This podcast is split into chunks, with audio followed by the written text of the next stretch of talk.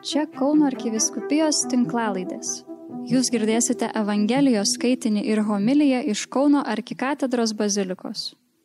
Viešpat su jumis.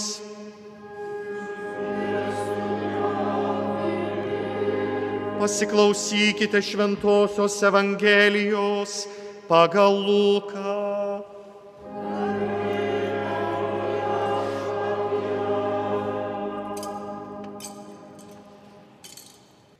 Anuo metu piemenys atsiskubino į Betliejų ir rado Mariją, Juozapą ir kūdikį paguldytą ėdžiose. Išvykę jie apsakė, kas jiems buvo pranešta apie šitą kūdikį. O visi žmonės, kurie girdėjo, stebėjosi piemenų pasakojimu. Marija dėmėjosi visus šiuos dalykus ir svarstė juos savo širdyje. Piemenys grįžo atgal, garbindami ir šlovindami Dievą už visą, ką buvo girdėję ir matę, kai buvo jiems paskelbta. Praslinkus aštuonioms dienoms, kai reikėjo apipjaustyti berniuką, jam buvo duotas Jėzaus vardas kurį angelas buvo nurodęs dar prieš jo pradėjimą iššiose. Girdėjote viešpatie žodį.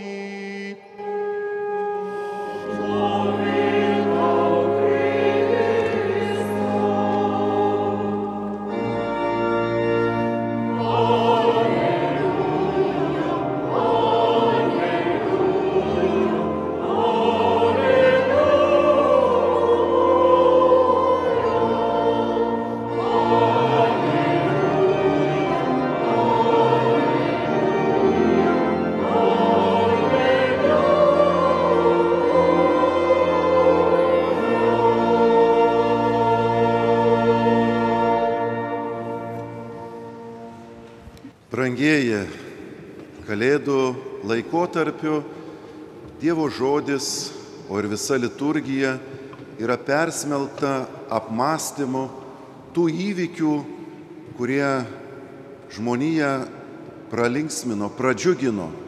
Ir tiesą sakant, kiekvienam iš mūsų jie kalba asmeniškai, nes kai juos skaitome, vienu ar kitu būdu atsispindi ši šventoji istorija ir mūsų gyvenimuose, mūsų krašto ir net pasaulio istorijos įvykiuose. Atsikartoja įvairiais aspektais, o labiausiai ta laikysena, kurią matome iš kalėdų personažų, galėtume taip sakyti, Marijos, Juozapo, štai šiandien girdime apie piemenius, kurie apsako, kas jiems buvo pranešta apie šitą kūdikį. Tai irgi žmonės, kurie dalyvavo tame didžiame išganimo plane ir jie tapo Dievo žinios laidininkais, nes išgirdę iš tos gausios dangaus kareivijų minios tą patikinimą, kad bėkite, praneškite, dalinkitės. Jie tai daro ir savo gyvenimu įkūnija, kągi mes kaip krikščionys turėtume dalytis, dal, daryti, ogi dalintis tuo džiaugsmu, atradimu, tikėjimu, įkvėpimu ir tapti patys dovana pasauliui, kitai žodžiais tariant, tęsti Kalėdų džiaugsmą ir tą įsikūnimo slėpinį mūsų jau dabar gyvenimo tikrovėje. Jie atbėgę sustiprina ir pradžiugina Jėzaus gimdytojus, Mariją ir Juozapą, kurie visgi supami tos aplinkos, kuri nebūtinai buvo labai džiaugsminga, nes nebuvo vietos užeigoje. Artėjo gimdymas ir teko rinktis tą kuklę prakartėlę arba e, gyvulių e, vietą, kurioje dėja nebuvo skirta na, gimdymo reikmėms, o vis dėlto jie savo širdyje nešėsi Dievo žinę ir save stiprino, kad dalyvauja nepaprastame viešpaties įvykių ir situacijų kelionėje. Marija dėmėjosi visus šiuos dalykus ir svarstė juos savo širdyje. Evangelija šiandien mums duoda šį sakinį, primindama, kad ir Marija bei Juozapas keliavo tikėjimo kelionėje ir jiems reikėjo padrasinimo, sustiprinimo, patvirtinimo. Svarstyti savo širdyje tai atverti vidinę ausį viešpaties kalbėjimui, jo ženklų skaitimui, jo įvykių svarstymui. Svarstyti reiškia įtvirtinti savyje Dievo mums duotą misiją, primti protu ir širdimi, daryti viešpaties projektą savo gyvenimo savastimi. Mes irgi brangiai svarstome savo širdį, ką atneš naujieji metai, kaip seksis šiuose metuose man kurti santykius savo šeimoje, darbovietėje, kaip seksis mūsų kraštui, mūsų pasauliui išlaikyti taiką. Taigi svarstymui daug medžiagos, kuri turi būti viešpaties akivaizdoj. Ir tiesą sakant, jo malonės nuolat prašant, kad mūsų veiksmai ir mūsų mintis būtų suderintos su jo veikimu ir su jo planu šiam pasauliui. Jam buvo duotas Jėzaus vardas. Evangelija primena, kad Jėzus, kuris įžengė į žmonijos istoriją, jam duodamas vardas išgelbėtojas ir išganytojas, išvertus iš hebrajų kalbos, mums primenant šio asmens misiją jo gyvenimo tikslą. Ir mes, brangieji, šią, ta, tam tikrą prasme savo gyvenimu prisimenam taip pat misiją, tikslą, kągi naujieji metai ir mus padrasina arba paskatina daryti. Kaip mums sekas ją priimti? Marija ir Juozapas tampa išganimo arba išgelbinimo bendradarbiais. Jie priimdami viešpatie žodį suviduina arba tą misiją daro sava. Krikščionio gyvenimas yra taip pat tapti Dievo bendradarbio, ar kaip šiandien antrajame skaitinėje girdėjom, įvaikiu. Tai reiškia jo šeimos nariu. Ir mūsų lūpos turi tartą abą tėvę. Ateik šventoji dvasia duok mums viešpatie šiems metams naujos išvalgos, kaip galėčiau geriau tapti tavo misijos ir tavo išgelbėjimo žinios nešėjų. Šią dieną, brangieji, drauge visame pasaulyje melžiamės už taiką. Popiežius Pranciškus yra parašęs žinę šios 55-osios pasaulinės taikos dienos proga. Ji pavadinta Dialogas tarp kartų, ugdymas ir darbas - priemonės tvariai taikai siekti.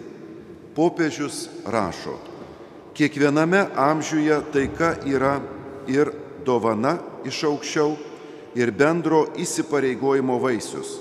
Egzistuoja tiek taikos architektūra, prie kurios savo indėlių prisideda įvairios visuomenės institucijos, tiek ir taikos namūdinė kūryba, kur kiekvienas iš mūsų dalyvaujame asmeniškai.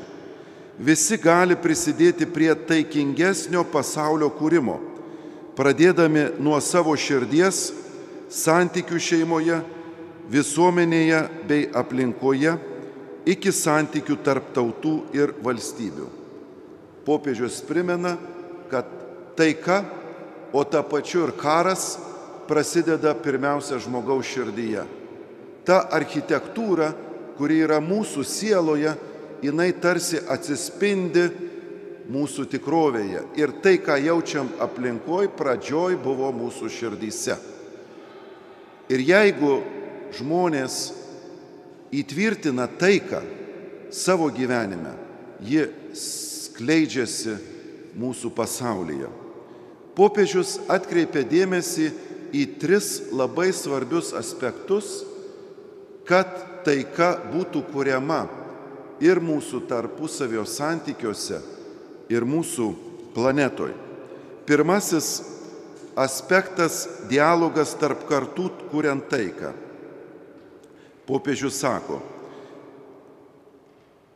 geriausia žmonijos e, krizės valdymo e, bruožas arba krizės pandemijos metu įveikimas tai dialogas, klausantis vienas kito, dalinantis skirtingais požiūrėms, sutariant keliauti drauge.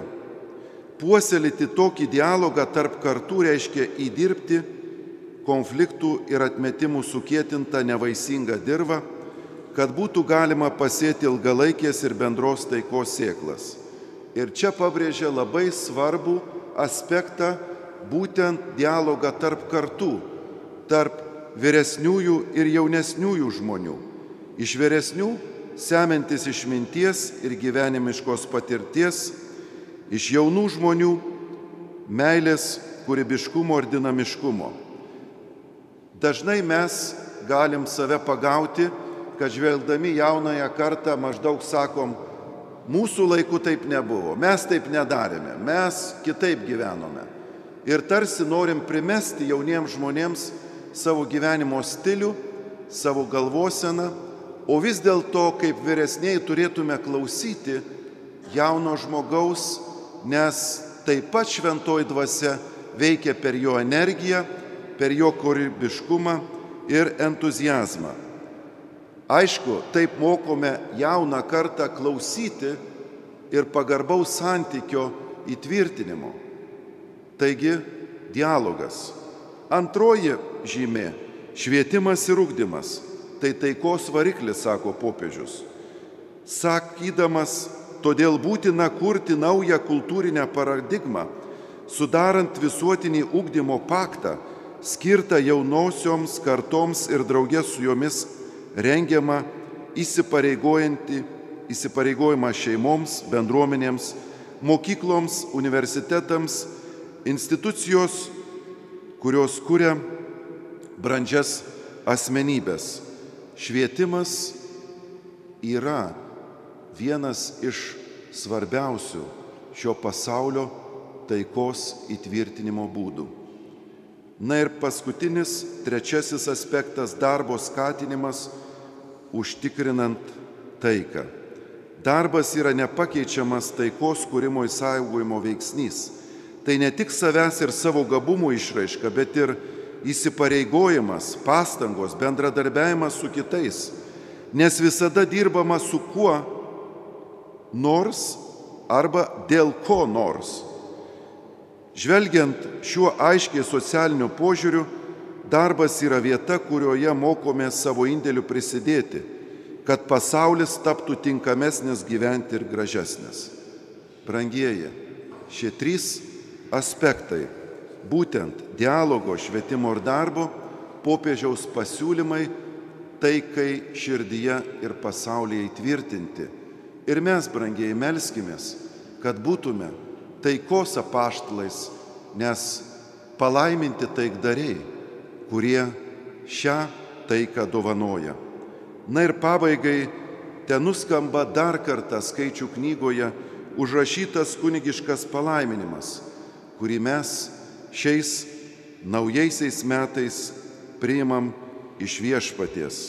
Viešpats te laimina ir te saugo tave, te leidžia viešpat šviesti tau savo veidą ir te būna tau maloningas, te pažvelgia viešpats į tave maloniai ir te suteikia ramybę. Amen.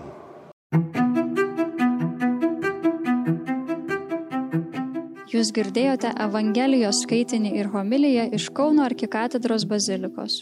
Čia Kauno arkiviskupijos tinklalaidės. Sekite mus ir prenumeruokite.